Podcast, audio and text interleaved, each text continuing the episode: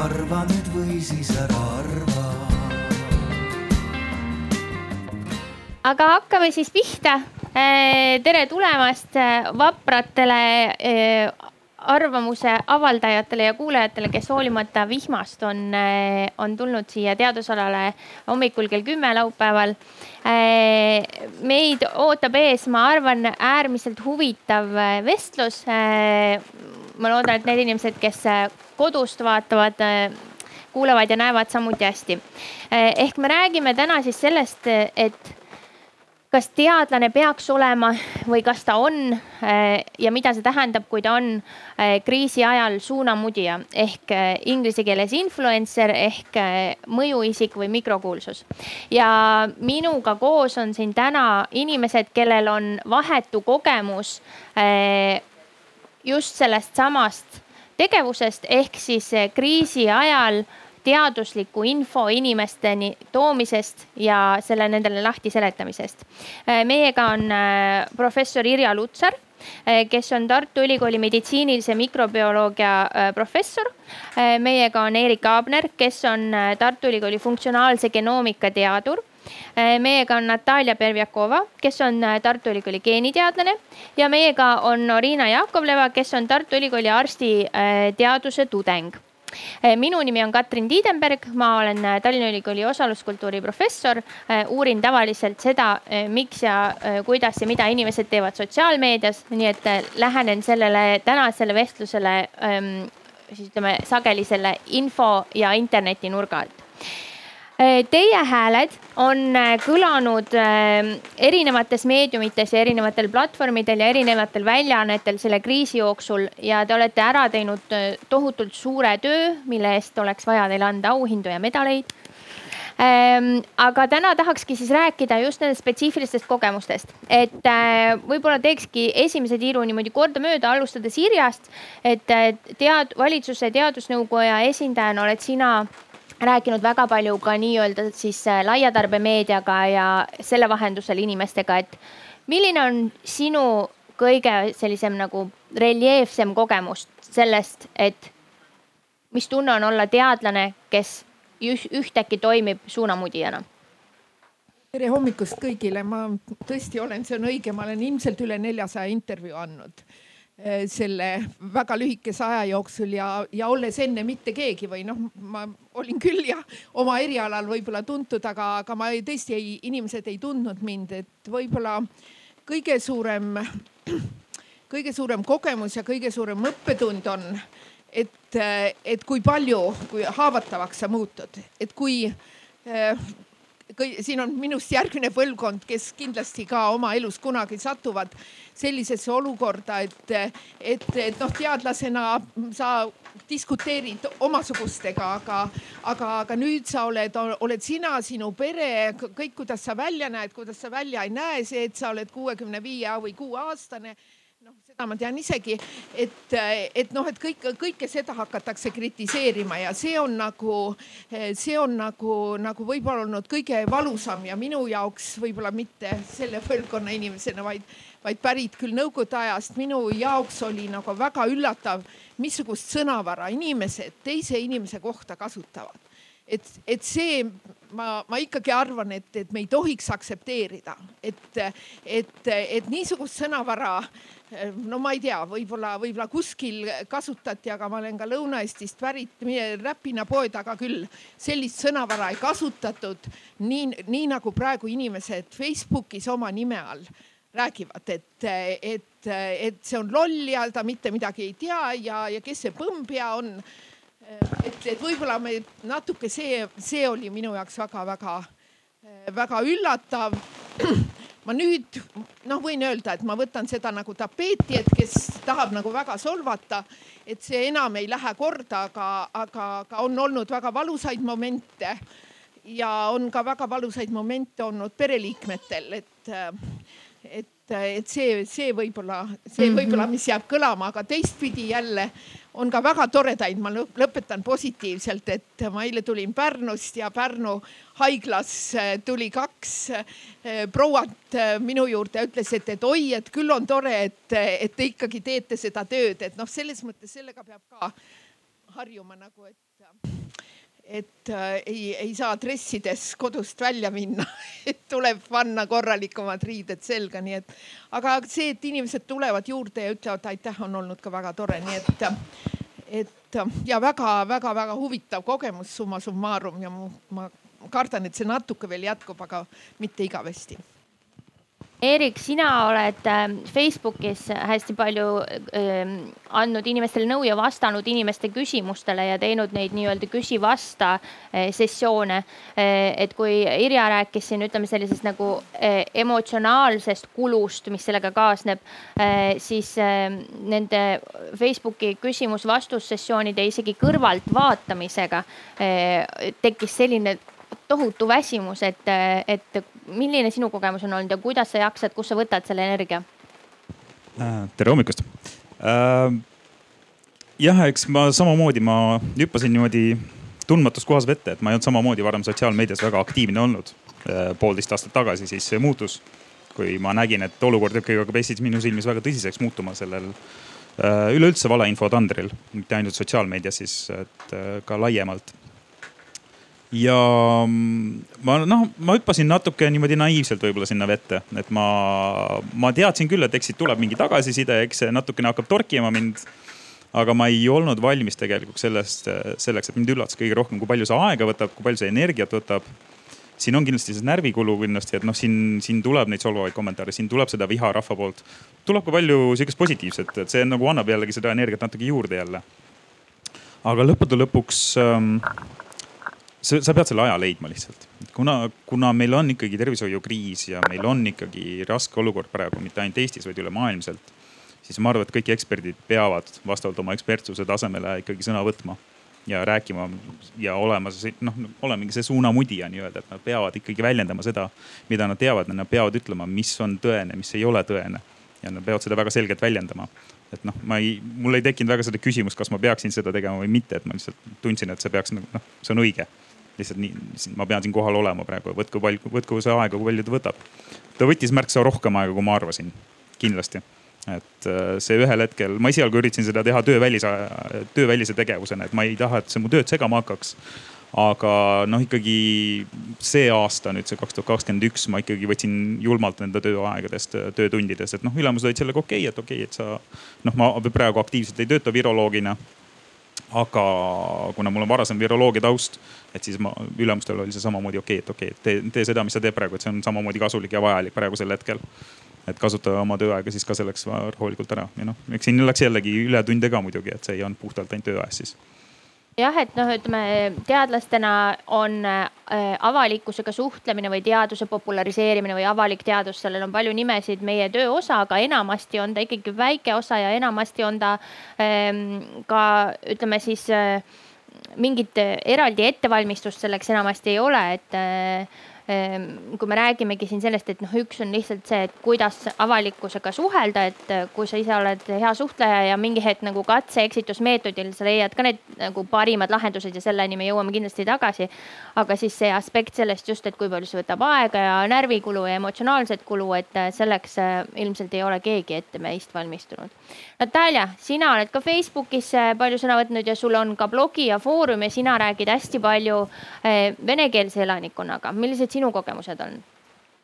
no põhimõtteliselt samad kogemused nagu Irja mainis, nagu Erik mainis. minu kogemused on selles, et äh, tuleb hirm ka sest äh, mina alustasin teaduse populariseerimisega hästi-hästi ammu ja oli sellist tüüpi populariseerimine, kus ma vaatasin erinevaid raamatuid, kõige popp raamatud ja rääkisin, et see on jaamas, see ei ole niimoodi, et niimoodi ei ravita.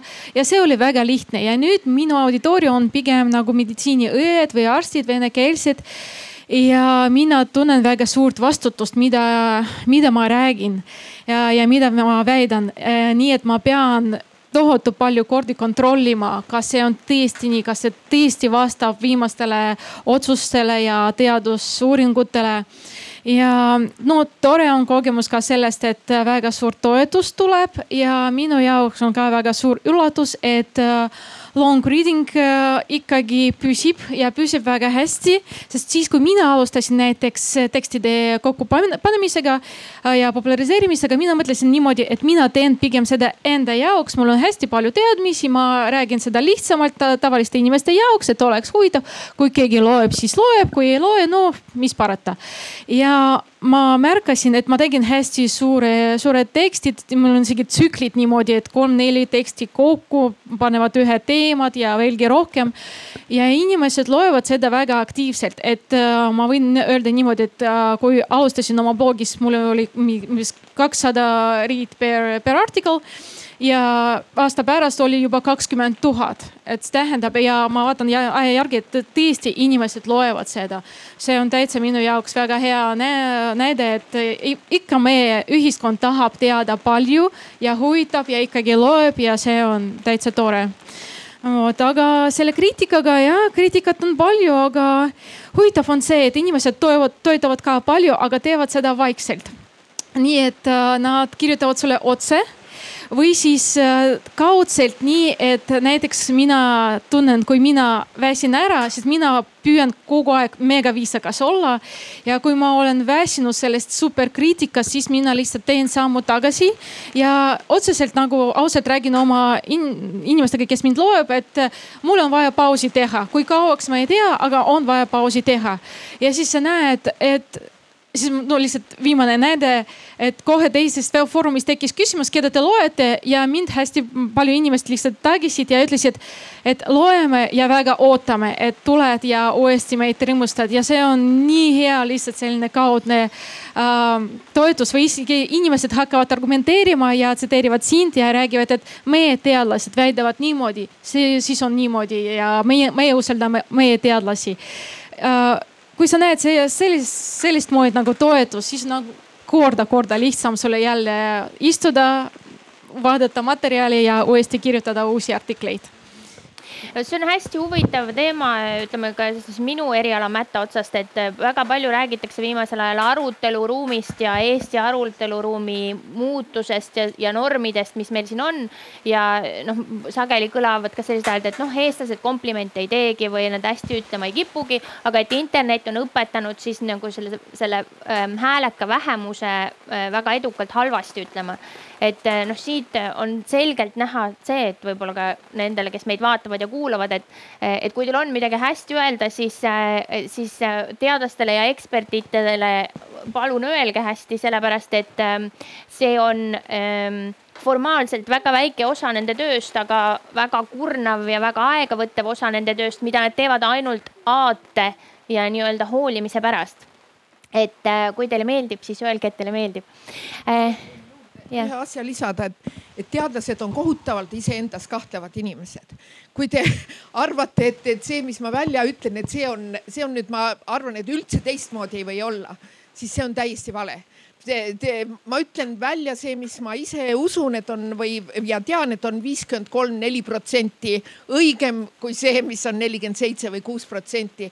et, et, et ärge arvake, ma võin enesekindel välja paista, aga ma tegelikult kohutavalt kahtlen, ma usun, Erik ja teised on täpselt samuti, et, et see, see selle tõttu oledki, et sa oled nii haavatav, sest sa kogu aeg kahtled et noh, tegelikult teadusliku ehm, meetodiga see, mis meile õpetatakse ja see, mis on avalikkusele tarbitav info, seal on retoorika vahe väga suur. et tegelikult me tahaks kõikidele vastustele vastata, see on keeruline, sellepärast et see on ainuke aus küsimus, aga me oleme ära õppinud suheldes tudengitega, avalikkusega, ajakirjanikudega, et see ei ole hea vastus või selle vastusega ei ole inimestel midagi teha, me saame sellest aru. ja siis leida see sild selle, see on keeruline ja siis nii-öelda inimestele kasuliku väljendusviisi vahel on ähm, väga haavatav koht teadlase jaoks. Orina, sina oled äh, võtnud sõna äh, kõige nooremate inimeste poolt äh, kasutataval platvormil Tiktokis ähm,, rääkides väga palju hoopis teise auditooriumiga ehk siis noorte ja lastega. milline sinu kogemus on olnud? minu kogemus algas kuskil märtsis, ma arvan. see oli esiteks nagu, kuidas see üldse algas, et ma käisin Covidi osakonnas ja nagu nä nägin ise oma nagu silmadega, kuidas seal kõik toimub. ja ma tahtsin seda infot kuidagi levitada ja tegin lihtsalt videod kaitsevahenditest, tegin eesti keeles, sest Tiktokis ma rohkem praktiseerisin oma keeli, lihtsalt selline mõte oli. ja siis ma saan, sain nii palju lihtsalt tagasisidet ja mõni oli lihtsalt õudne, mõni oli lihtsalt, et inimesed kirjutavad mulle isiklikult ja ütlevad mõningaid asju oma kogemusega seotud koroonakriisiga, kuidas näiteks keegi nende lähedastest on seda läbi põdenud ja nagu sellest ma, ma tahtsin rohkem ja rohkem sellest rääkida, sest ma sain no tohutult palju tagasisidet. muidu oli väga palju kohutavat uh,. näiteks ma nagu tegin selles mõttes topelttööd, et ma uh, mitte ainult koroonakriisist rääkisin, ma uh, väga palju töötasin just küberkiusamisega, et ma nägin, kui palju lapsi kirjutavad anonüümselt erinevaid kommentaare, mis on lihtsalt õudsad. Ja nagu selline oligi kogemus, et pidin lihtsalt uh, vaatama uh,, mida lapsed teevad ja nagu soovitada neile midagi head. Mm et see, ütleme, topelttöö mõiste siin on, on kasulik ja huvitav. mulle tundub, et, et ütleme, kui juba see avalik teadus ja teaduse populariseerimine on nii-öelda nagu lisatöö, millega enamik meist ei ole arvestanud, eh, siis enda see emotsioonide haldamine on sealt veel lisatöö ja siis ütleme, see aruteluruumi modereerimine või, või inimestega sellel teemal suhtlemine on, on veel lisatöö, et see on selline töö ja vaeva kihiline tort, et ma tulen ikka selle medalite juurde tagasi, et kui kellelgi on võimust medaleid anda, siis ma sooviks siia külvata medaleid. aga liigume edasi, ma mõtlesin, et ähm, teeks äh, midagi, mis võib-olla ei olegi meile nii omane ja, ja mugav, aga võib-olla on siiski huvitav ja, ja kogemus on teil täiesti ainulaadne ja, ja, ja Eestis väga vähestel inimestel on selline kogemus. et ähm, tegeleme spekulatiivse profileerimisega ehk et teie kogemuse põhjal, äh, kes kuulab äh, Eestis teadlasi?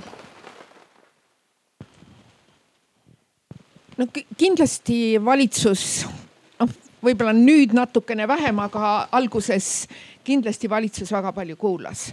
et et, et need Eesti otsused siiski see teadusnõukoda loodi suhteliselt, teadusnõukoda ei loodud küll siis, kui Eesti esimest korda kinni pandi, aga sisuliselt mõned päevad pärast seda.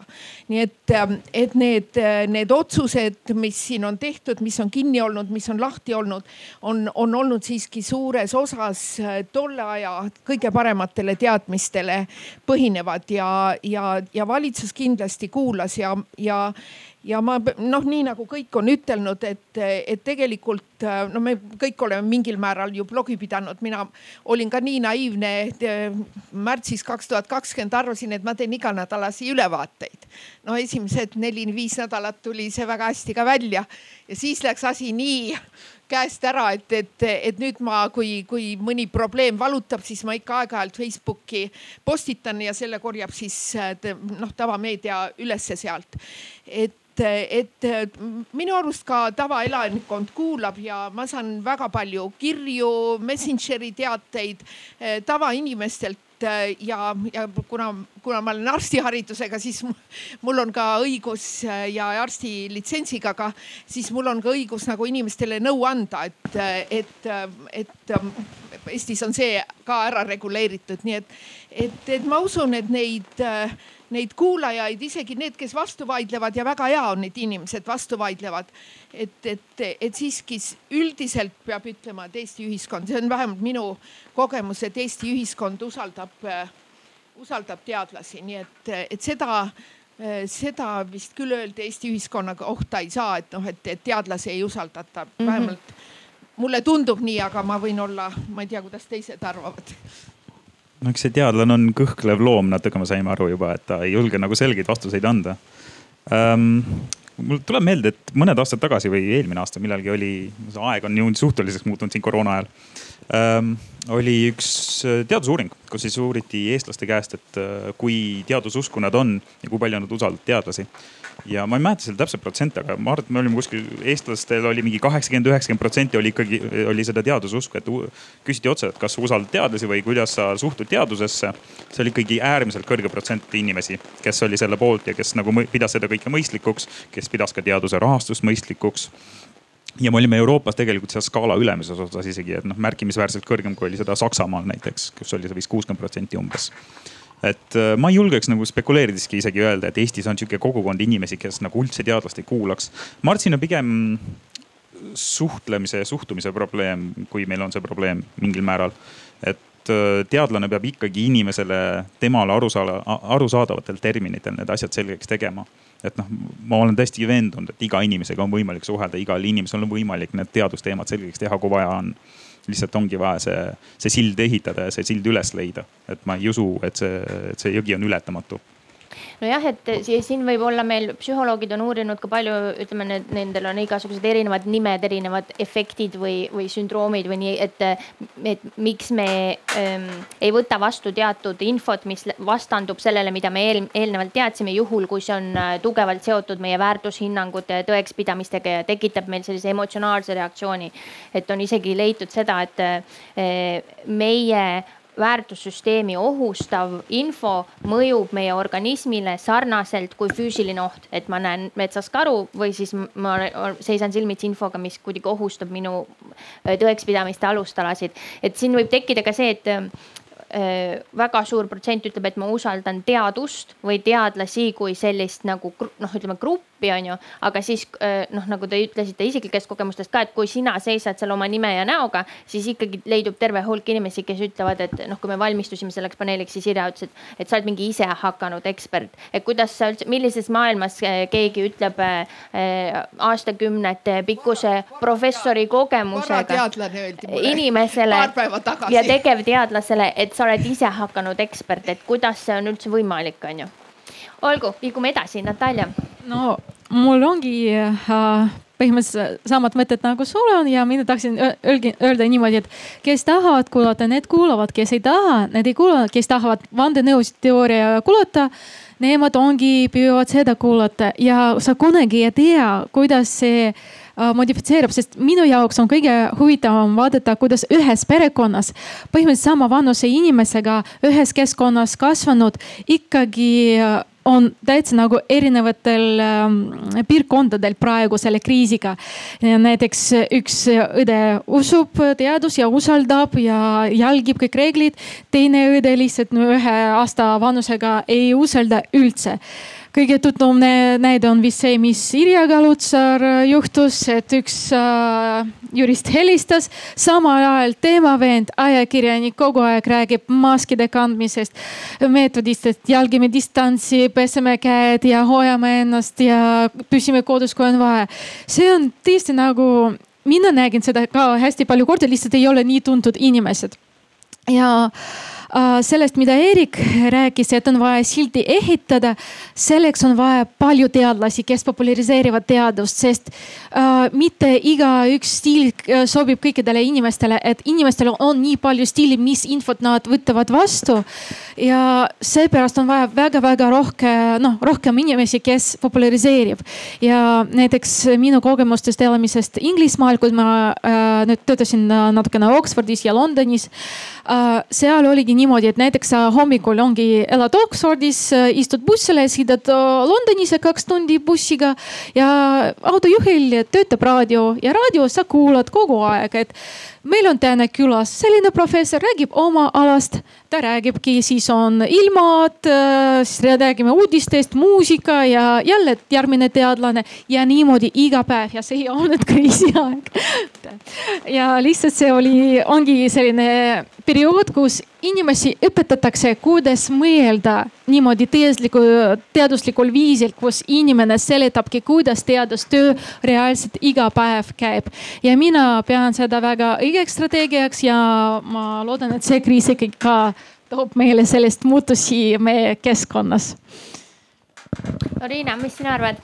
no mulle äärmiselt ei meeldi üldistada inimesi, et nagu need kuulavad või see grupp ei kuula, mulle see üldse ei meeldi, sest kõik inimesed, ma olen aru saanud, on erinevad.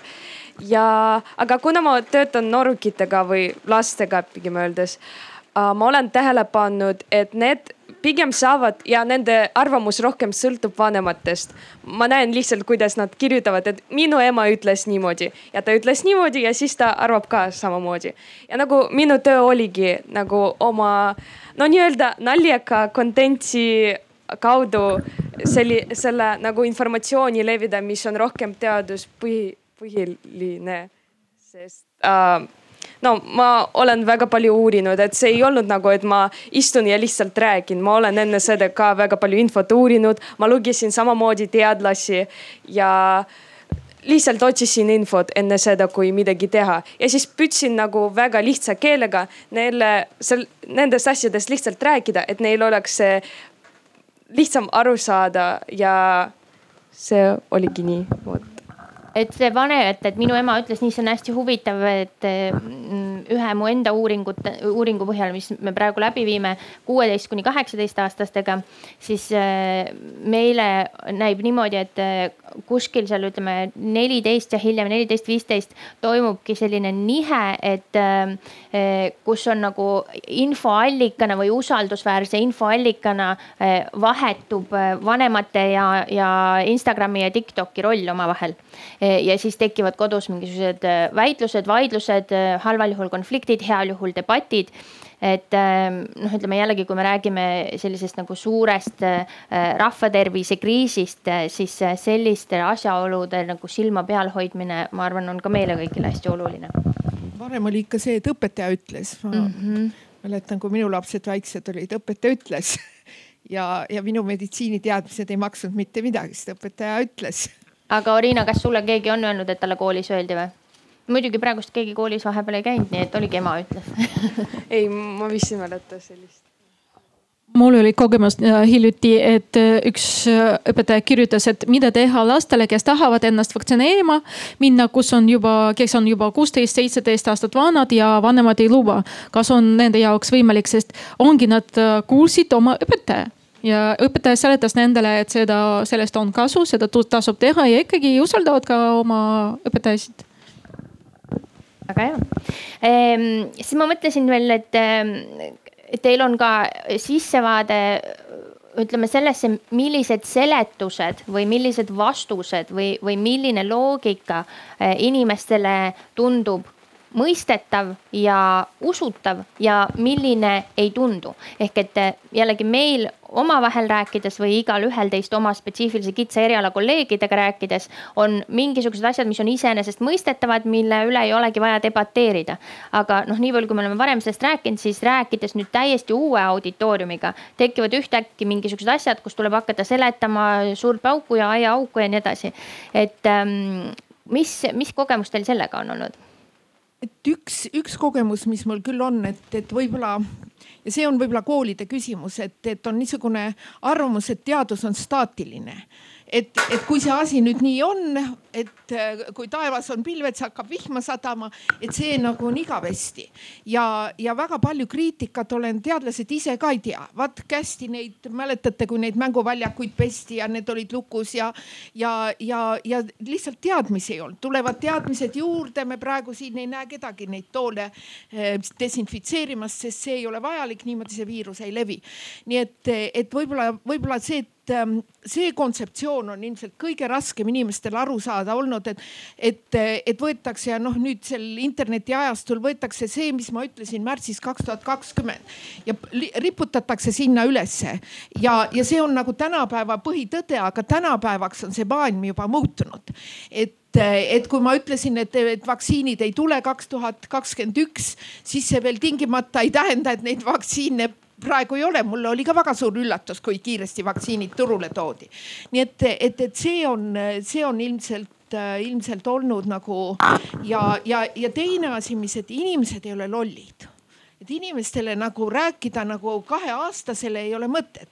inimene teab, mis on milliliiter, inimene teab, mis on viirus, mis on bakter. et, et noh, seda, seda niisugust patroneerimist seda, see ka nagu inimestele ei meeldi, et vot selle balansi vala, valimine, et, et, et kus on, meil on suhteliselt haritud ühiskond.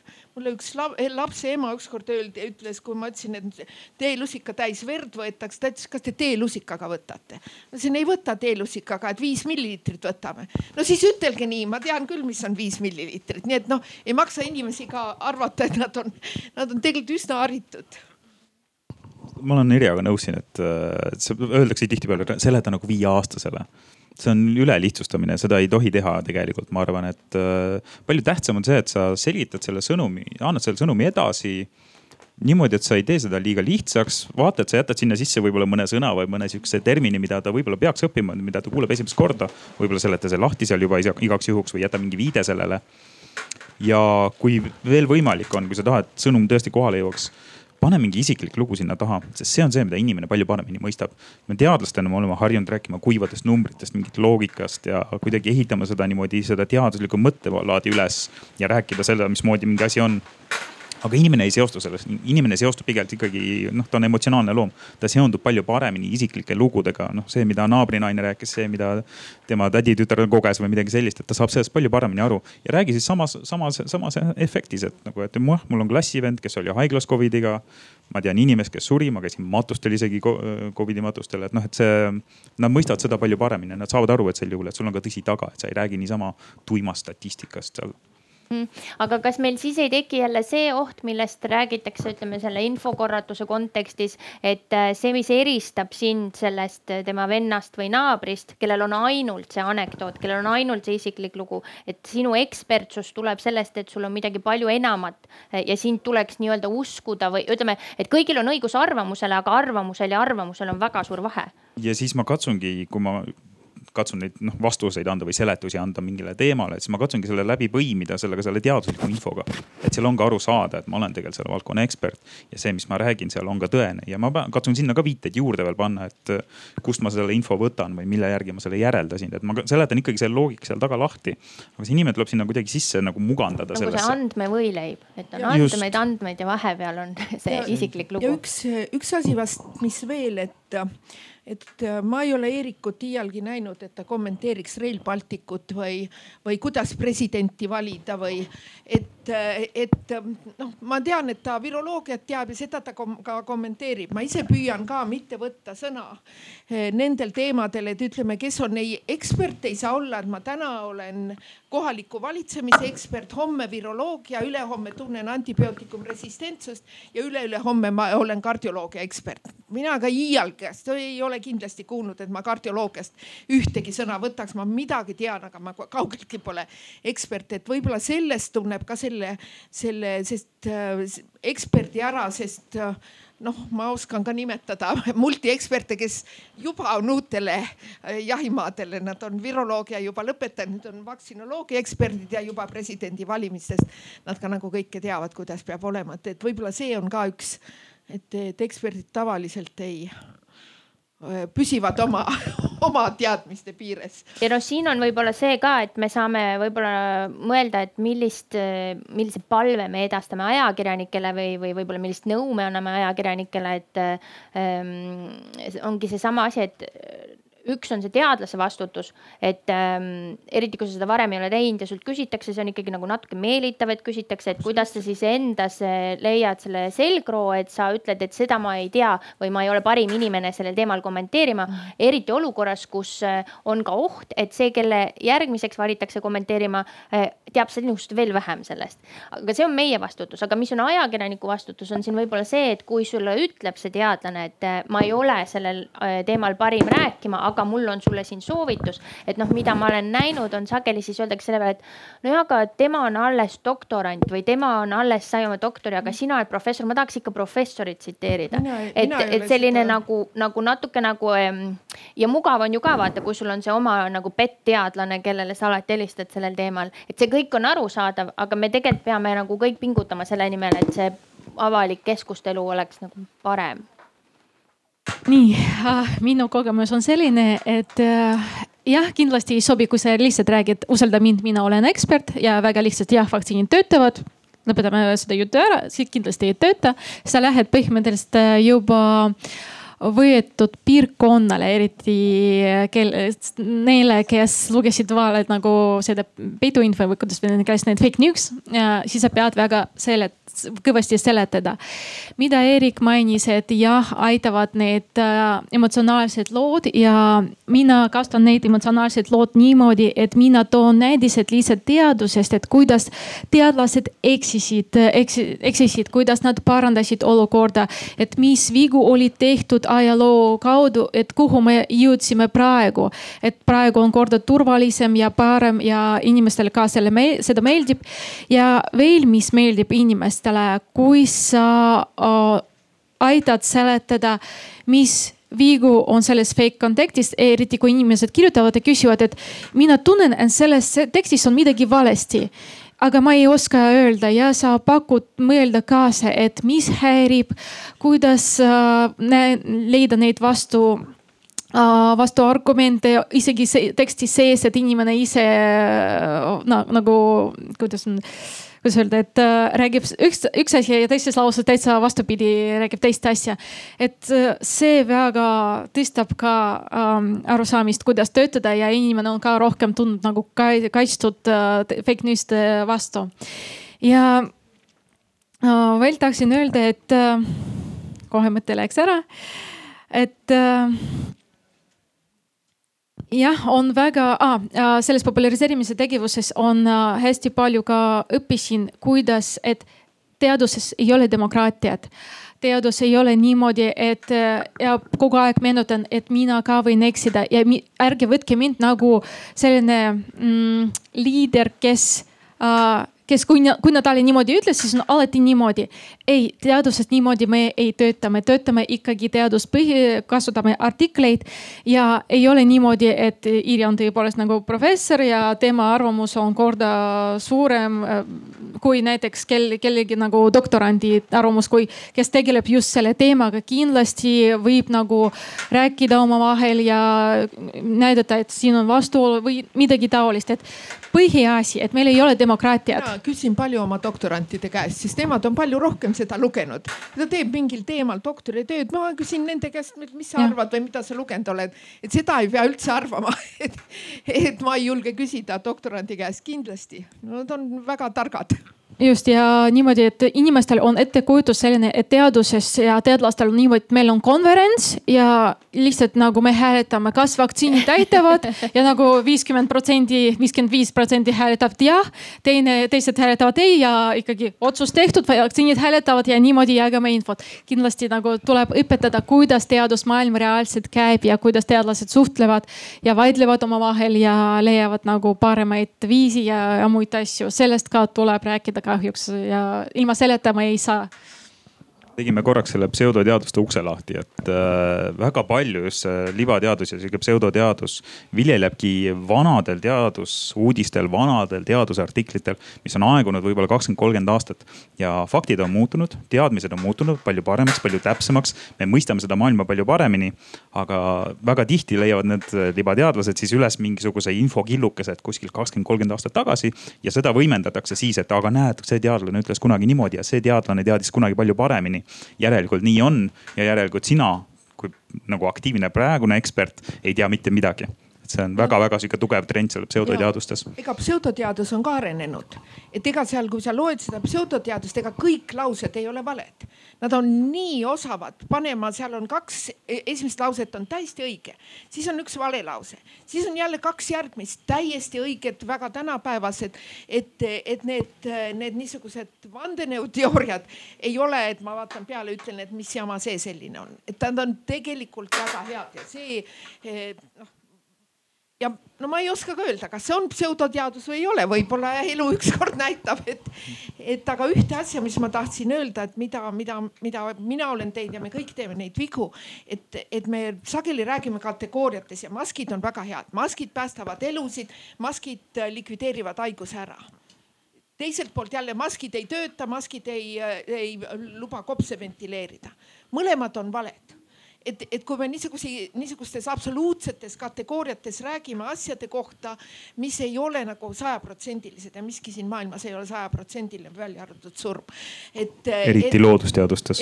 ja, et surm on ainuke sajaprotsendiline asi, no maksud öeldi ka, aga maksudest saab ka eemale hiilida. E, aga, aga et, et, et, et mitte niisuguseid absoluutseid kategooriaid, öeldakse, et andke lihtsaid teabeid aga, aga no maskid on väga hea selle kogu selle epideemia läbinud teema, mitte ainult Eestis, vaid ka rahvusvaheliselt, kus ei ole seda absoluutset kategooriat, et me ei saa, ma ei saa ütelda teile, paneme kõik homsest maskid ette ja nädala pärast koroonaviirust Eestis ei ole. Ma ei saa seda ütelda teile, keegi ei saa ütelda või keegi ei satu haiglasse või. Nad on üks osa sama käib ka vaktsiinide kohta, me ei saa ütelda, et vaktsiinidel, vaktsiinid on ainult sada protsenti head. jah, igal asjal, millel on mõju, on kõrvalmõju, neil on kõrvalnähud ja me peame sellest ka rääkima ausalt, et, et, et võib-olla jah, selliseid oodatakse meilt absoluutselt kategooriaid, mida me anda ei saa no ja siin on, me tuleme siis tagasi tegelikult selleni, millest me võib-olla alustasime või et ähm, see inforuum, seal on palju erinevaid tegutsejaid ja nendel on täiesti erinevad äh, kvaliteedistandardid ja eetik, eetilised põhimõtted ja see, mida nad nii-öelda tunnevad, et nad saavad endale lubada välja öelda ja ei saa endale lubada välja öelda. lisaks sellele, et me nii-öelda nagu täiesti ausalt, siiralt tahaks vastata kõigile küsimustele, et see on keeruline, siis äh, sealt järgmine samm on see, et äh, kui me siis nagu leiame mingisuguse tasakaalu selle vahel, kuidas nagu natuke lihtsustada seda, mis on keeruline, aga mitte langeda absoluutidesse, siis seal kõrval seisab eh, lihtsalt kodanik tänavalt, kellelt küsitakse arvamust ja siis võib-olla mingisugune ajakirjanik või esseist, kellel on, keda ei, ei kammitse andmed ega maailma keerulisus. Ja nendel on palju lihtsam öelda, et mina arvan, et on nii Eh, ja kui noh, me jõuame jälle siis võib-olla selle meediasisu loomiseni, et kui sellesse auditooriumi liikmele esitatavasse narratiivi põimitakse need just nagu samaväärsete häältena, eh, siis see toodab eh, sellist segadusse ajavat sisu. Kauriina kord oli tegelikult uh, inimene, no minu arust inimene on väga selline laisk, aga väga sotsiaalne olend, kellele meeldib lihtsalt suhelda. aga tal, talle meeldib üldse nagu, ma arvan, igale inimesele meeldib lihtsalt selline uh, üllatuslik, aga samal ajal nagu lihtne informatsioon, millele sa ei raiska oma aega nagu lugemiseks või uurimiseks. ja see on tegelikult üks, no minu arust suur ajakirjanduse probleem, et kui inimene näeb mingisuguse sellise uh, säravat pealkirja, et nagu mask ei kaitse, sellepärast et ta ei ta ei hakka nagu lõpuni seda lugema uh,. ta ei uh,, ta ei hakka nagu neid viiteid avama, teaduslikke artikle lugema, ta näeb hüp hüpoteesi, aga ta ei jõua kokkuvõtteni. et nagu ma olen väga palju näinud selliseid uh, teaduslikke artikle, kus on näiteks hüpotees püstitatud, et mask ei, ei, ei äh, ei läbista hapnikut. ei lase läbi hapnikut. ei, ei, ei lase hapnikut läbi ja nagu hüpotees on olemas, enamus inimesi lihtsalt näeb seda ja hakkab selle äh,, seda uskuma. aga kui hakkad nagu seda lõpuni lugema ja näed, et lõpus on tehtud kokkuvõte, et seal on mingisugune nagu erinevus, et natukene võib-olla äh, vähem laseb või ma ei tea, aga see pole isegi kliiniliselt tähtis ja väga hea näide oli see, et ma käisin eile äh,, ei üleeile noortekeskuses, rääkisin valeinfost ja kuidas see üldse internetis levib. ja kui ma otsisin infot, ma lihtsalt äh, avasin Delfi ja ma näen seal esimene artikkel on äh, Itaalias on, oli uus rekord äh,. temperatuur tõusis viiekümne kraadini ja nagu sa näed, vau, viiekümne kraadi, viiekümne kraadi on nii palju, aga siis saavad selle no lihtsalt vajutad pealkirjale ja seal näed, et juba temperatuur oli mitte viiskümmend kraadi, vaid nelikümmend kaheksa ja kaheksa. nagu tundub, nagu see vahe pole isegi nii suur, aga see on lihtsalt see point, et kuidas see äh, infoga võib manipuleerida, et kuidas võib asju kirjutada, aga paljud inimesed lihtsalt ei hakka lõpuni asju lugema, uurima ja lihtsalt sisu lihtsalt nägema. Mulle meeldis hästi see hüpoteeside öö, mõte ka, et, et jällegi, et kui, kui palju me eeldame ja kui palju tegelikult inimesed saavad aru sellest nii-öelda teaduskeelest. Ehk et, et ma olen isegi tudengite seas seda kohanud, et arvamust, et ainuke hea hüpotees on kinnitust leidnud hüpotees.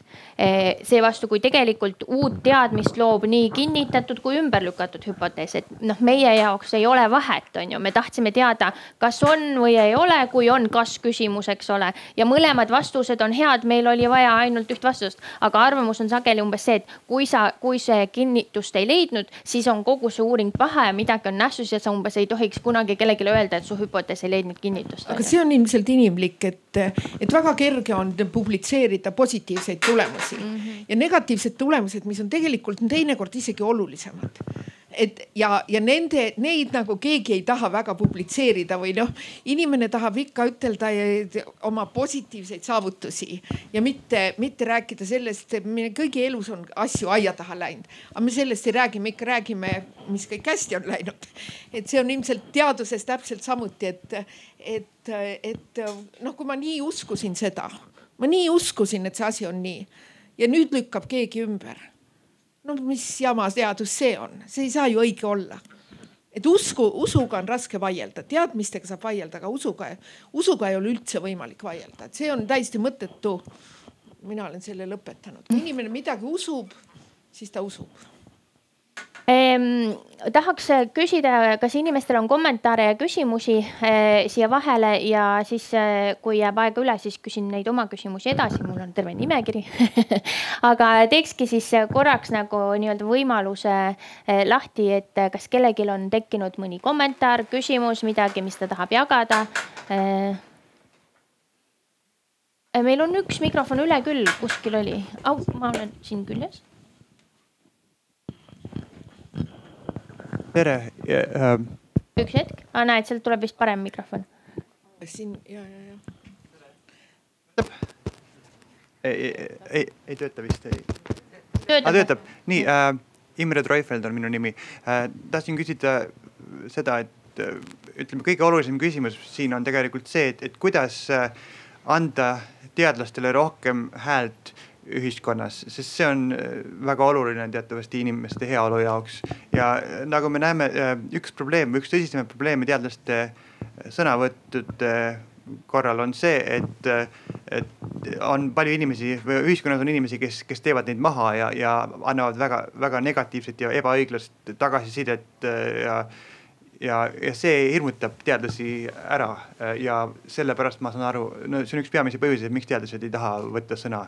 Esiteks küsimus on see, et kas, kas mul on õigus, et see on peamine põhjus ja teiseks on see, et kui see on, siis mida teha, et kuidas teadlaste, teadlasi julgustada või aidata neil oma häält rohkem ühiskonnas levitada üks, üks asi on kindlasti, mis tuleb inimestele aega anda, et ei saa te,, ega teadlase ööpäevas on kakskümmend neli tundi nagu igal teisel inimesel.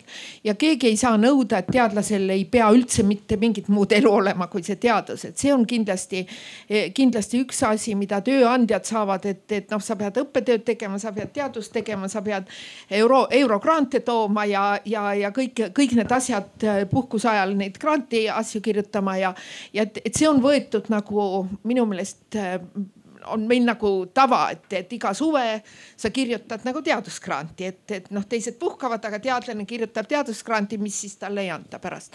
et, et, et see on üks asi, et, et tuleb, tuleb kindlasti, kindlasti see ka nagu töökohustuse hulka lugeda, et noh. Eeriku ja minu ülemused on tõesti Tartu Ülikoolis äh, meile vastu tulnud ja, ja ma ei ole ka noh, nüüd üks artikkel ilmus, aga ma tavaliselt kirjutasin kümme artiklit aastas. see, see on kõik kõik sellel aastal ja eelmisel olemata, et, et, et ma leian, et see on nagu, nagu seda, seda tööd väärtustada. Ja teine asi, mis meil täielikult puudub, on, on niisugused assistendid noh, ma ei usu, Eerik, sa kirjutad kõik ise, eks ole, kõik kontrollid, niisamuti teised ka, kõik me kirjutame ju ise. mul on äh, see lapsehoidja, kes on ka keeletoimetaja ah,. meil on okay., mina istun oma lapsega ja tema toimetab minu tekste et, et noh, kasvõi et, et jah, et toimetada seda teksti või, või panna ta lihtsalt korralikku, korralikku teaduskeelde, mis on, mis on ju mujal ilmas. Eh, noh, ütleme sellise professori rangiga inimesed ei kirjuta ju ise, neile keegi ikkagi toimetab ja keegi, keegi vahendab ja et, et need on kaks asja, mis mina näen. Mõtled, äh, et keegi, kes toimetaks sinu äh, nagu äh, avalikke tekste, mis on mõeldud ühiskonnale. just, et, et kes toimetaks avalikke tekste või, või niisugusi noh, kes, kes teeks, kes või väga palju inimesi on, kes ütleme, loeb selle kirjanduse või ütleb, et loeb selle tohutu kirjanduse hulgast, korjab välja midagi, et vaat need on, need on minu arust väga olulised, et niisugused inimesed on, on ju maailmas tegelikult olemas, et keegi ei loe ju nelisada artiklit päevas siin on hästi tähtis on ka mõista seda, et äh, meediaruum on ikkagi ajas muutuv. ehk siis noh, kakskümmend aastat tagasi oli Delfi oli uus asi, kümme aastat tagasi oli Facebook hakkas tulema suureks asjaks. praegu on TikTok, ma ei kujuta ette, mis kümne aasta pärast järgmine asi on.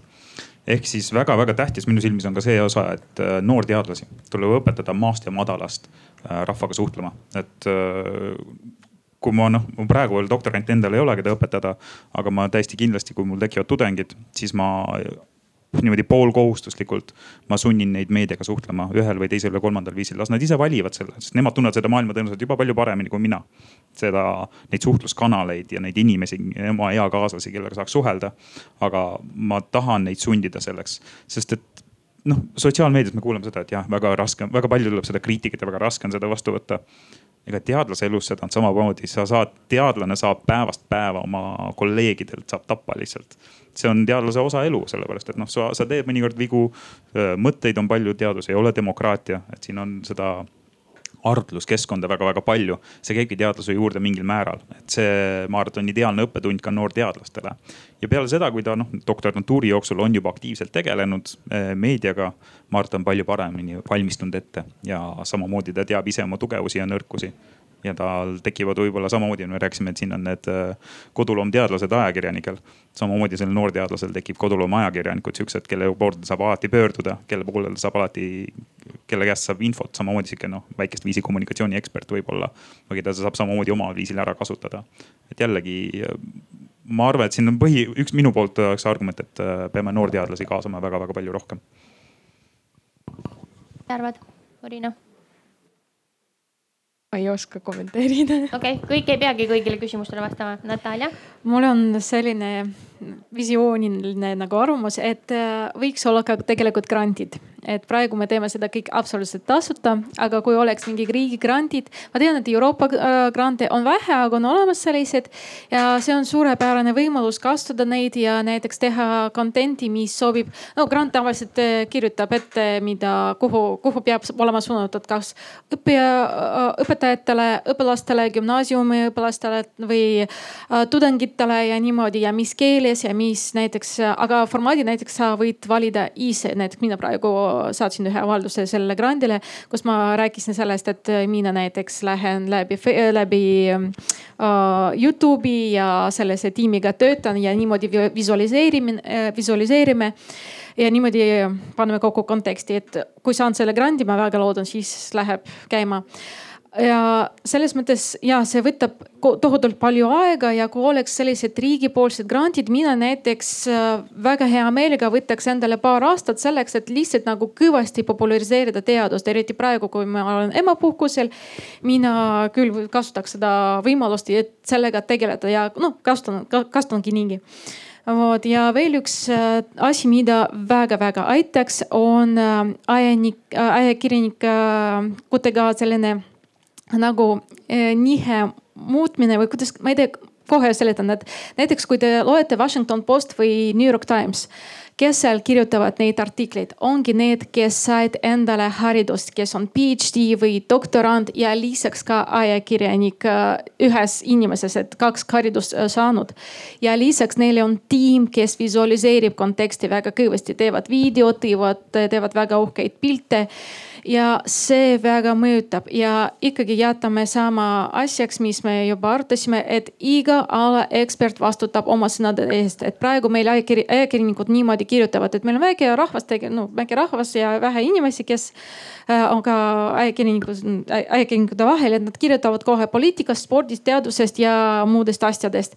aga suurtes riikides me näeme seda tendentsi, et kui inimene on ekspert oma alas, said esimest haridust nagu geneetikas või meditsiinis või füüsikas, ta jääbki niimoodi, ta kirjutab ainult füüsikast või ainult geneetikast ja ei lähe teisele alale ja see väga aitab sellega, et inimesed loevad, usaldavad ja fake news ei, ei tule isegi kui ajakirjanik oli veendunud, et ta teeb õigesti ja ikkagi kirjutas midagi valesti.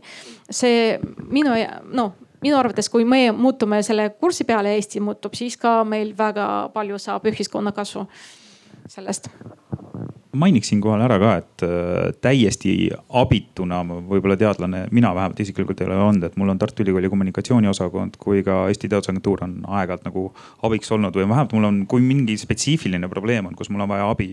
noh, meediaga suhtlemisel või mul on mingi artikli idee, mille ma tahan avalikustada.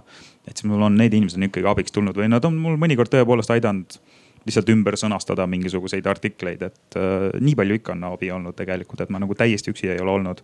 aga noh, kõik see, mis on Facebookis toimunud, kõik see suunamudimise pool, et see pool on ikkagi jah, sada protsenti vist mu enda nagu poole pealt, et äh, noh, ütleme noh, e-, Eesti Teadusagentuur ähm, annab ka ju seda teaduse populariseerimise auhinda ja teaduse populariseerimise väikest toetust ja nii edasi.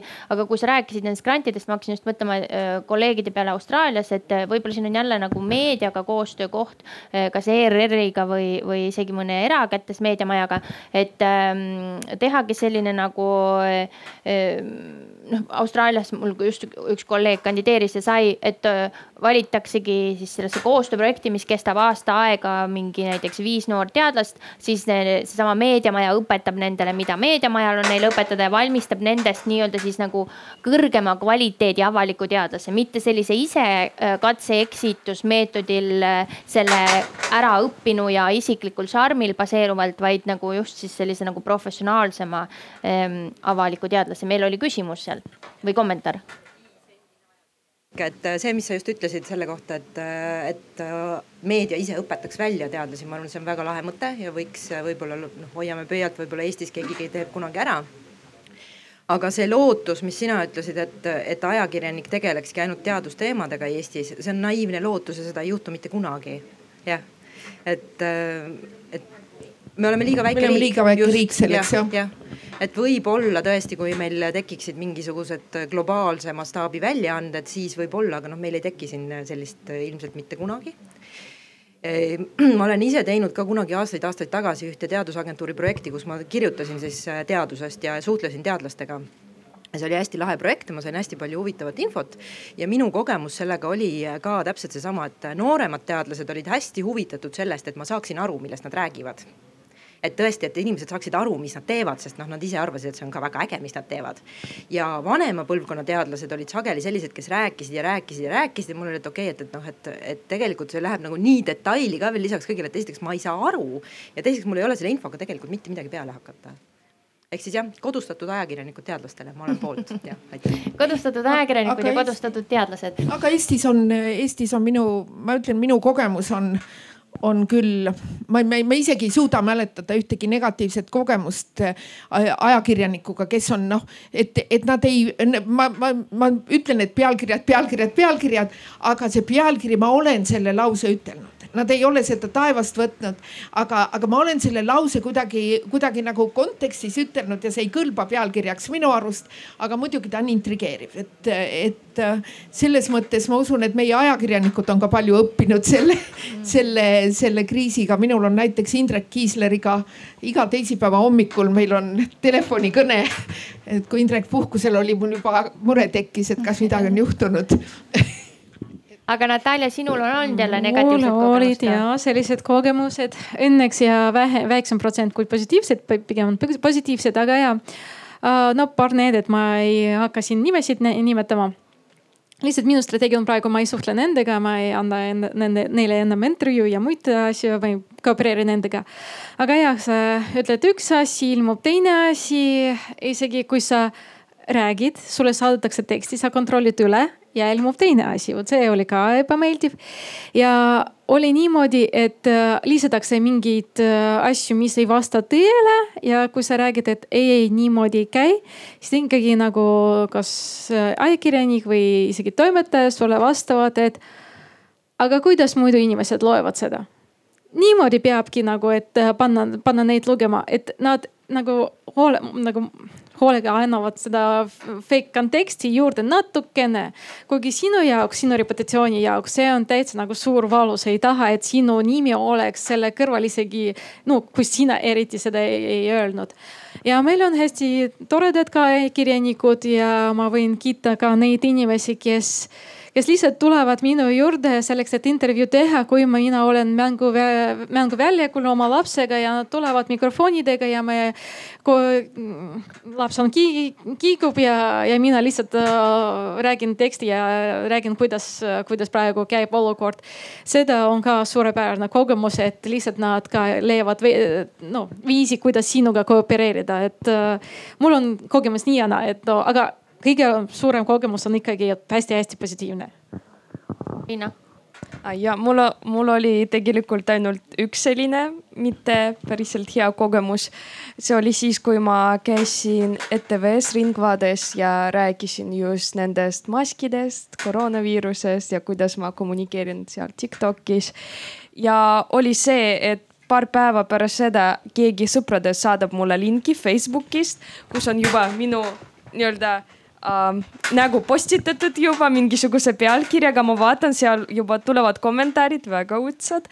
aga see oli mingisugune venekeelne artikkel ja et keegi, nagu ma saan aru, et äh, see on avalik meedia, kõik võivad kasutada infot, näiteks nad nägid, et ma olen seal Ringvaates ja nad postitavad kohe.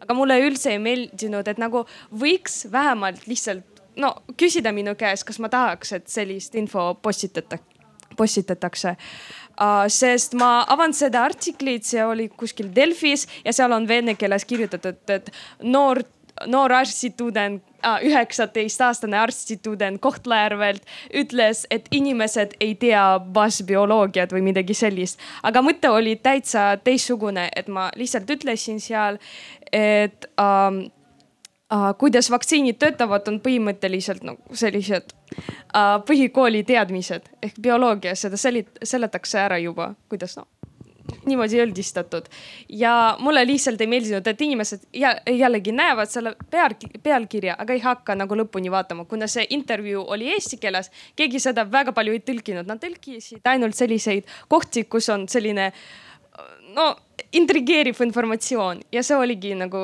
väga halb kogemus selles suhtes, sest ma tundsin ennast mitte väga hästi, kuna see oli üldse mu nagu mu esimesed sammud ajakirjanduses, ma arvan, no just meedias, et rääkida midagi ja. räägi lihtsalt, esimene samm on alati väga valus mind ennast üllatas ka tegelikult see, et äh, Eesti meedia väga lihtsalt nagu tuleb su Facebooki seinale, ta korjab sealt lause ja ta teeb sellest uudise täiesti rahulikult südamega. ta võib selle on juhtunud, et mul on ka laused on kontekstist välja rebitud ja lisatud kuskile teise uudise keskele. lause, mis ma ütlesin pool aastat tagasi, võib-olla juba kuskil, ma ei tea, kust nad selle välja on kaevanud. ja lisatakse see täiesti jultumatult, jultunult nagu mult küsimata kas me tohime seda kasutada või kas sa arvad, et see on okei okay,, et noh, vähemalt mul autorina võiks nagu redigeerimisõigus ikka olla ju. või parandusõigus. aga Facebookis ilmselt, kui sa midagi postitad, sa pead ikkagi mõtlema, et seda korjatakse ülesse. mina, mina mõtlen sellele alati ja seda, mida ma ütelda ei taha, seda ma ka Facebooki ei pane aga siin on see probleem, et poole aastaga teadusinfo võib ja, muutuda ja kontekst võib muutuda. just, ja ka ajakirjanik. pool aastat tagasi nii ja. ajakirjanik ei pruugi seda mõista, ta ei pruugi seda teada, et info on muutunud vahepeal ja ta kasutab seda infot valesti valesti ära. et vähemalt see ajakirjanduslik viisakus võiks olla, ma arvan, et kui sa kasutad inimese sõna oma tekstis, jutus, siis küsi talt vähemalt luba selle jaoks. siit koorub nagu minu jaoks selline teema, et eh, noh, palju on nüüd eh, nii-öelda nagu oleme jaganud oma kogemusi, aga ega eesmärk ei ole ka nagu noh, et positiivseid kogemusi on ka, et eesmärk ei ole näägutada ajakirjanikke.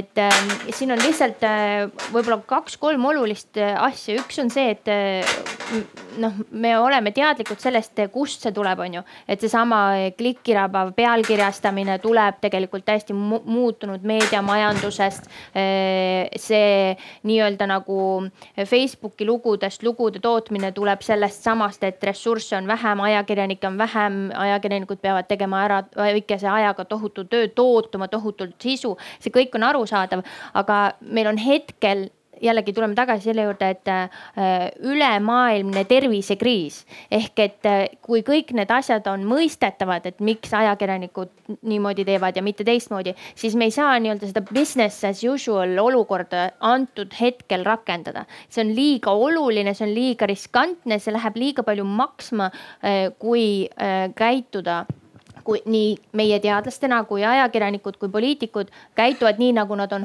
nagu harjunud käituma. et äh, ajakirjanikul ütleb toimetaja, et äh, ma panen siia klikirabava pealkirja, sest meil on seda reklaamiraha vaja ja, ja poliitik ütleb, et mul on vaja, et mind järgmine kord tagasi valitakse. Äh, ja teadlane ütleb, et äh, aga mul paistab CV-s hea see, kui ma olen eksperdiks igal pool käinud, et meist keegi ei saa hetkel endale seda lubada ja ühiskond ei saa seda lubada, kui sellistes selle kriisi jaoks võtmerollides inimesed käituvad nii, nagu, nagu oleks kõik asjad tavalised. aga kas meil on publikust veel kommentaare või küsimusi, meil on veel natuke aega. kõik tundub selge olevat aga siis ma tulen oma nimekirja juurde tagasi ja küsin jällegi sellise äh, võib-olla natuke provotseeriva küsimuse, aga, aga, aga hästi huvitava minu meelest küsimuse, et äh, olles nüüd olnud äh, me kõik oleme olnud pretsedenditus olukorras, aga teie olete selle pretsedenditu olukorra sees olnud ka mõnes mõttes pretsedenditus rollis ja see on kindlasti äärmiselt informatiivne. me oleme rääkinud sellest, et mida te olete nagu teadlasena õppinud, kus te olete näinud nii-öelda siis lünkasid või aukusid. ja me oleme rääkinud sellest, mida te olete meedia ja interneti toimimise kohta õppinud, aga mida me oleme õppinud Eesti kultuuri kohta ja eestlaste kohta. kas meil on mingeid üllatusi sealt välja korunud, ükskõik kas positiivseid või negatiivseid? minu, minu jaoks suur üllatus, kuidas info liigub. mina väga palju loen Ameerika foorumeid ja näen, et kui vandenõuteooria tekib seal poole aasta pärast võib oodata seda nii vene keskkonnas kui ka eesti keskkonnas. Äh, viimane vandenõuteooria, mida ma nägin, ilmus isegi aasta pärast. see on minu jaoks hästi üllatav, et meie internetis kõik info peaks liikuma nii kiiresti, kuigi ikkagi satub mingi ajanihega.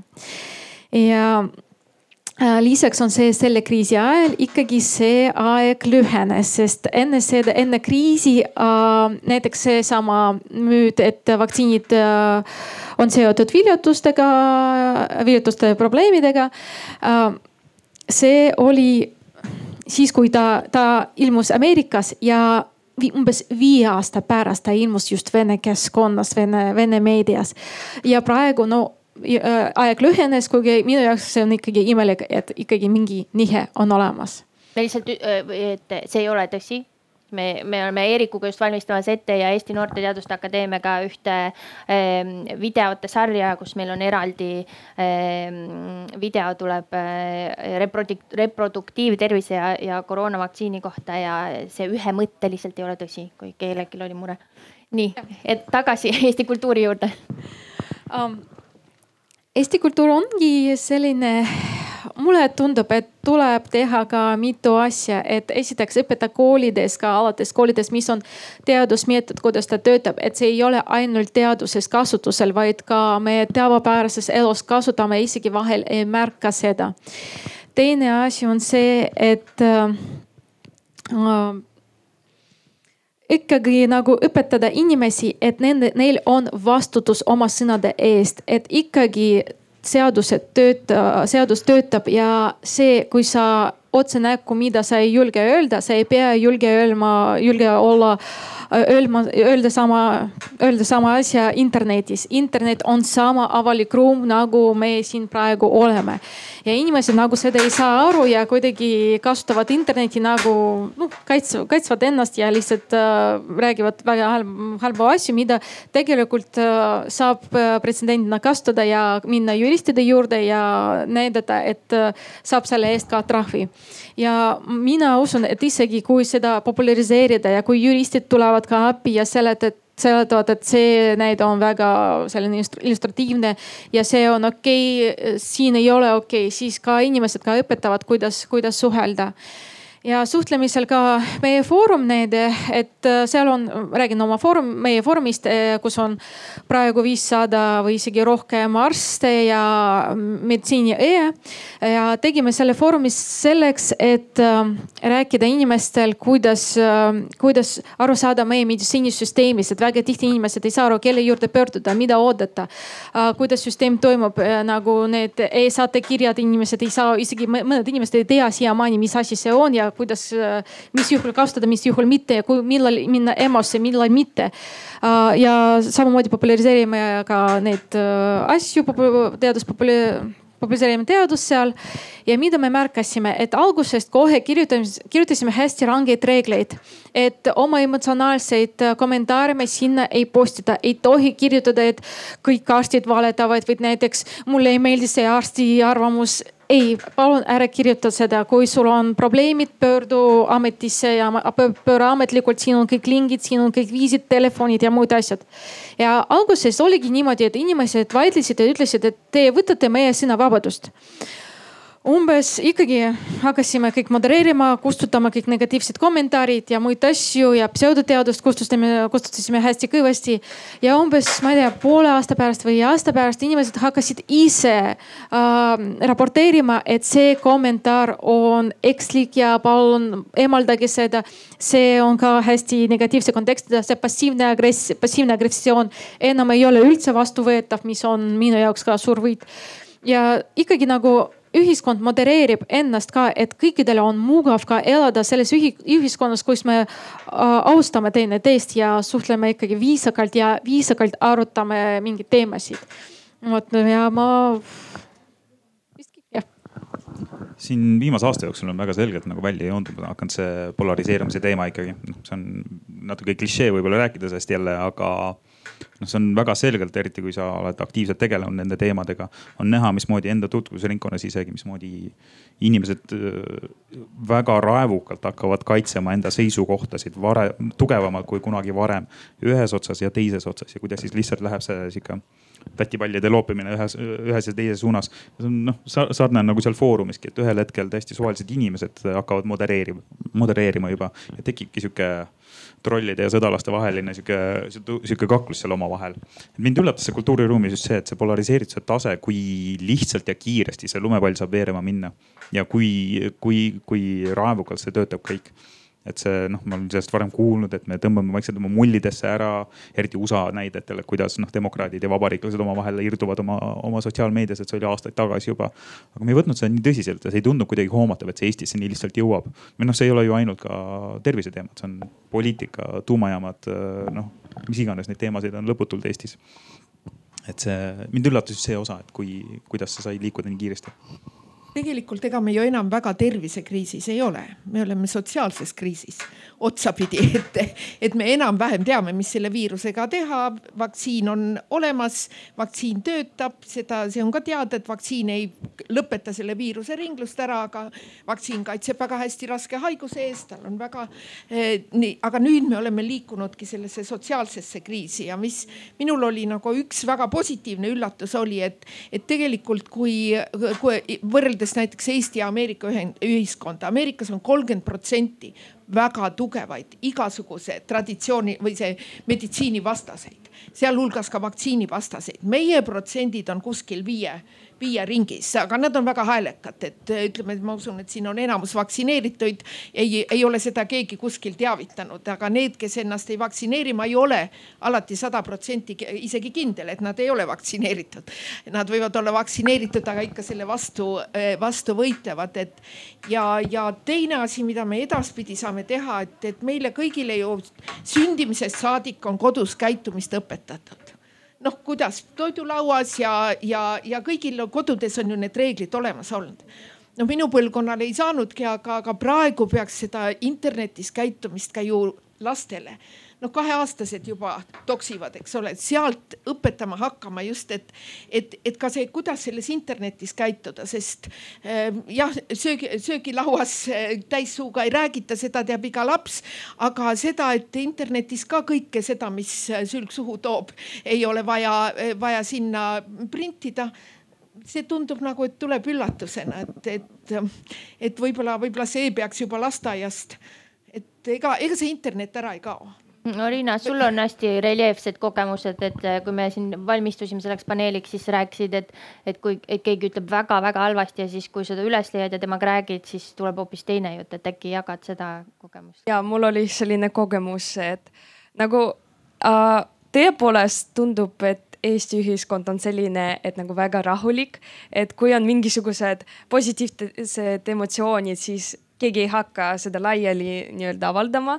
Aga, ja tundub vahepeal, et tagasisidet, no halva tagasisidet on palju rohkem kui head.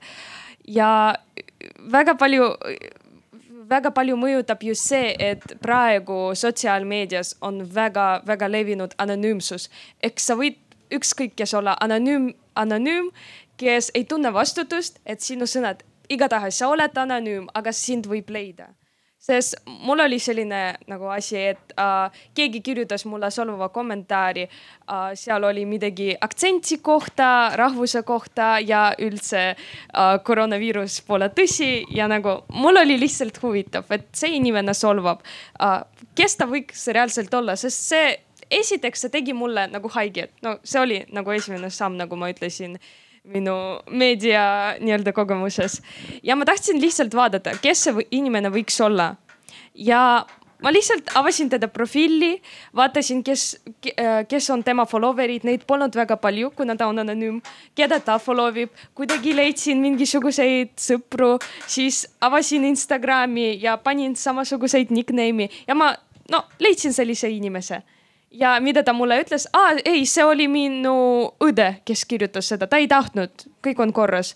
üks asi oli see, et ka üks anonüüm ütles mulle, vot anna mulle oma Facebooki või midagi sellist ja siis räägime. ma andsin talle oma Facebooki ja kirjutasin talle, mida ta mulle ütles oi, vabanda palun, ma olen, tegelikult ma olen su fänn, ma ei tahtnud seda, neid solvanguid kirjutama ja ma olen nagu, mis asja. ja ma saan aru, et lihtsalt inimesed ei tunne vastutust, kui nad on anonüümsed ja see on päriselt suur probleem, sest samamoodi äh, lapsed tihtipeale ei tea, nagu ma olin ka sama laps, kes äh, no ma reaalselt ei usunud, et äh, tuleb mingisugune vastutus selle kohta, et uh, intern-, kõik jääb internetti. ma mõtlesin, et see on nagu va uh, vanemad inimesed ne, nendele meeldib niimoodi öelda, no mida nad teavad.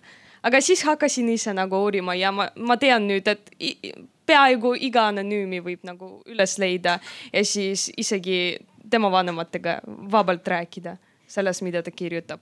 ja lihtsalt on vaja mõista, et anonüümsus pole tegelikult väga anonüümne kas meil on vahepeal tekkinud mingeid küsimusi või kommentaare eh, aruteluruumi kohta või eh, teadlaste rolli kohta selles? tundub, et mitte, siis meil otsa kokkutõmbamiseks jätkub veel natukene aega. ja võib-olla teeme seda siis sellega, et mis on olnud kõige rikastavam kogu selle, ütleme siis ähm, pandeemia aegse teaduse populariseerimise ja, ja, ja avalikkuse informeerimise kogemuse juures. Äh, äh, et ähm, ja kas, kas olete valmis uuesti nii-öelda džottidele viskuma järgmise kriisi ajal? no kõige, minu jaoks on kõige rikastavam see, see inimesed, kellega ma võib-olla poleks kuidagi äh, noh, kellega mind elu ei olekski kokku viinud. et, et tõesti, kui sa oled kas teadusringkonnas või arstide ringkonnas, sul on väga-väga selge sõnavara, sa tead, mis su sõbrad teavad, kuidas nendega rääkida. aga, aga et, et näha, et, et kui palju inimesed tegelikult teavad ja, ja see inimeste hulk, kellega ma olen, ma olen tuttavaks saanud, et võib-olla see niisuguse ka Eesti ühiskonna avamine, et, et, et see on, see on kindlasti, kindlasti olnud, olnud väga positiivne kogemus, et, et et mul üks lapselaps küsis ka, et vanaema, kas sa kahetsed seda? ei, ei, ma ei kahetse seda, ma, ma tegelikult ju olen ekstravertne inimene ja, ja, ja see oli lihtsalt midagi, mis minu ellu, ellu tuli, et ma kindlasti ei kahetse ja kui oleks noh, niisugune uus olukord, mis on, mis on minu ekspertiisi, ma iga, igal alal kindlasti ei hüppaks, aga, aga, aga see on olnud, olnud väga siiski summa summarum väga positiivne kogemus mm. -hmm. ma ütleks samamoodi, et me siin eh, oleme rääkinud hästi palju negatiivsetest inimestest ja tundetest ja ajakirjandusest, mida iganes, aga on ka seda positiivset poolt seal taga ja neid siukseid toredaid ja sooje ja sõbralikke inimesi on ikkagi eh, üllatavalt palju, kes kirjut-, kes kirjutavad lihtsalt, et hea töö, aitäh, väga huvitav oli lugeda, tore. jumala eest, see nagu kui sa teed kogu seda asja, sa pead seda kadalippu iga päev läbima võib-olla, siis tegelikult need väiksed siuksed lausekesed, sõnumikesed, need veavad ikkagi väga-väga kaugele edasi sind. et sa ikkagi saad aru, et sa ei kirjuta lihtsalt kuskile musta auku. musta sellest, kurja auku, hammastega just, auku. just, et sealt ikka midagi kasu ka ja see ainult ei hammusta sind kogu aeg. et see, see on sihuke noh, rikastav asi ja noh, kas ma jätan, kas ma hüppan järgmine kord ka sinna rongi ette um,? noh, sama lugu, et kui tuleb mingisugune eks, mingi valdkond, kus ma pean teadlasena sõna võtma, ma arvan, kus on noh, meil ei ole, palju meil Eestis on virolooge päris virolooge, kes on viroloogiaga töötanud, no kes on elus viirust laboris käppinud või kes on selle teemaga süviti töötanud. noh, paarkümmend võib-olla, vast tuleb paarkümmend kokku et meil ei ole neid inimesi palju tegelikult, et noh, igaüks peab tegelikult, ma arvan, minu silmis midagi tegema, kuskil sõna võtma, kuskil äh, oma seda ekspertsust väljendama. et kui järgmine kord mingi viirus tuleb või koroona jätkub veel siin aastaid, kes teab. noh, seda, ta jätkub kindlasti jah. uute see... erutavate tüvedega noh, praegu delta on nii huvitav, et ma arvan, et noh, deltaga on veel mõneks ajaks on vist praegu veel on ja no ega, ega, ega viirus ka lõpmatuseni ei jõua, et ta, ta on ka väga kõvasti tööd teinud, et kogu aeg muteeruda. et ega tal jõud peab otsa raugema positiivselt sinna läheb veel aega. Jah. et noh, kindlasti ma katsun jätkata oma tööd, ma praegu suvel olen laisk olnud ja puhkan sellest kõigest, aga ma arvan, et siin peab jällegi hakkama vaikselt aktiivsemaks minema mul oli reaalselt üks hetk, mida jäi minu meelde no nagu nii hästi ja kui ma mõtlen selle peale, ma vahepeal mul isegi emotsioonid tulevad välja. et uh, no muidugi, kui inimesed kirjutavad häid asju, häid asju, ma olen näinud väga palju nagu kuskil Instagramis, direct messenger, messengers ja kui sa loed neid suuri tekste, see on nii lihtsalt mu sü süda teeb soojaks. aga kõige, kõige selline parem kogemus, mida ma olen näinud, et kui sa teed midagi, sa tahad ikka mingisugust tulemust saada. no vot ma räägin näiteks, et mask no kaitseb, siis ma tahan ka no, et see kuidagi mõjutaks, et ma ei tee seda ainult selleks, et nagu äh, ma ei tea, kellegagi äh, nii-öelda äh,, kuidas see sõna on äh,, vaidelda vaielda. vaielda ja äh. Ja üks kommentaar, mis tuli mulle, oli uh, tänu sulle, tänu sinu Tiktokidele, minu vend hakkas poes uh, maski kandma ja see oli nagu nii nunnu lihtsalt ma, ma, ma lihtsalt sain aru, et ma tegin midagi õigesti, ma rääkisin midagi ja see kuidagi, kuidagi mõjutas. võib-olla see pole nagu suur samm selles pooles, et nagu ühest inimesest võib-olla väga palju ei muutu, aga kui nagu väikeste sammudega kuidagi no arvamus muutub, see on ka väga tore, kui äh, inimene mitte äh,, läheb mitte lõpuni ja nagu äh, argumenteerib oma arvamust, mida võib, mis võib olla mitte täiesti õige, aga no ma arvan, et õiget arvamust kellelgi ei ole uh,. aga kui ta püüab muuta seda ja nagu kuulata teisi, see on ülitore ja see tegi mulle väga head. aga mis puudutab seda, kas ma hakkan äh,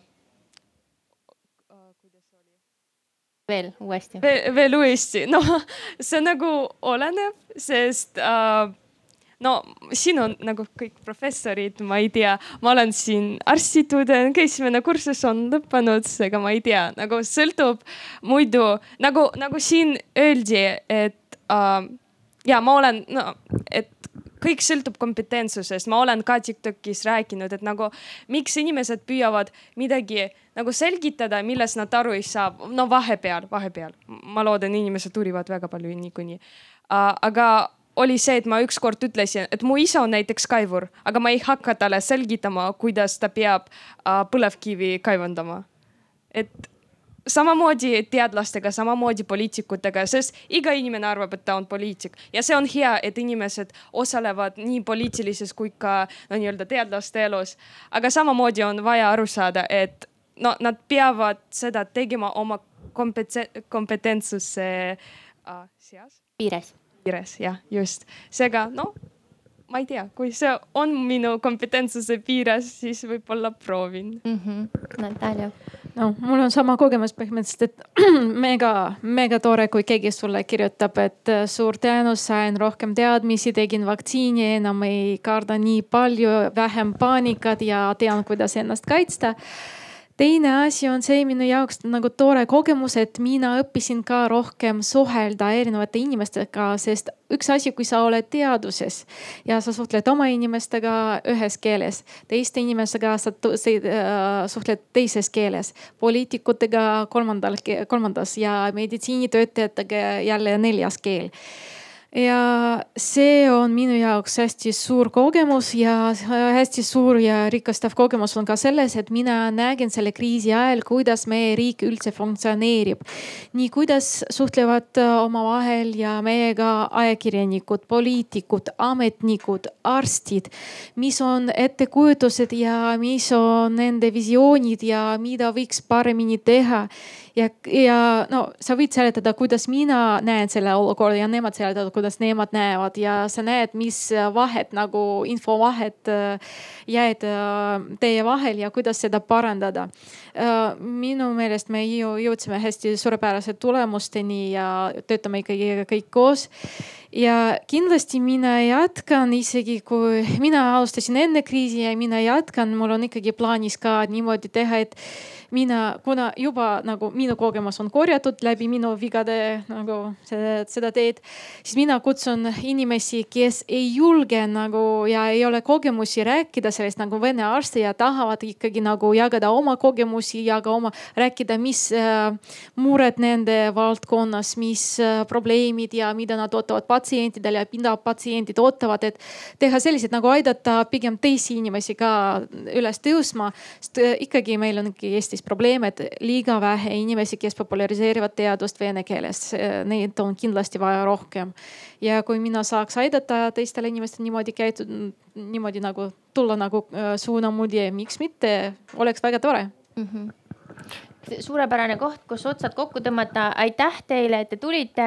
me alustasime kell kümme hirmsas vihmasajus, mõtlesime, et räägime peamiselt äh, nendele, kes vaatavad kodust, aga nii palju inimesi. Ähm, ma loodan, et teil oli huvitav. Äh, kui te näete meid siin platsil kõndimas, siis me ei hammusta. Ähm, ja aitäh kõigile. aitäh aitäh modereerimise eest. ma tahaks Teadusagentuuri poolt öelda ühe asja ehk siis kõigepealt aitäh teile kõigile, et te tulite ja aitäh teile selle arutelu eest, aga tegelikult äh, muidugi nagu väga-väga suur aitäh teile selle töö eest, mida te kõik teete, igaüks omas valdkonnas, igaüks omamoodi ja, ja tegelikult äh, ma arvan, et või noh, sellest arutelust tuli ju ka välja see, et äh, kõik on saanud ka siit äh, võib-olla sellest tööst, mis on tulnud võib-olla läbi raskuste ja, ja, ja teinekord pole ka kõige kergem, siis te olete selle võib-olla saanud nüüd selle nii-öelda maitse suhu ja, ja jätkate sellega ikkagi rõõmsalt edasi, et eelkõige Oriina, soovime sulle edu õpingutes ja, ja selles, et sa ei annaks alla. Ja, ja kui me siin alustasime nendest negatiivsetest kogemustest kogemustest ja, ja kutsusime üles kõiki inimesi, et, et äh, kui te näete ja teile meeldib see, mida teadlased teevad, siis äh, ärge häbenege öelda aitäh. ja meie tahaks teid tänada ühe väikse magusa kommikarbiga selle eest ja ütleme, ma arvan, et kõik ühinevad minuga, kui me ütleme aitäh teile selle eest, mida te teete.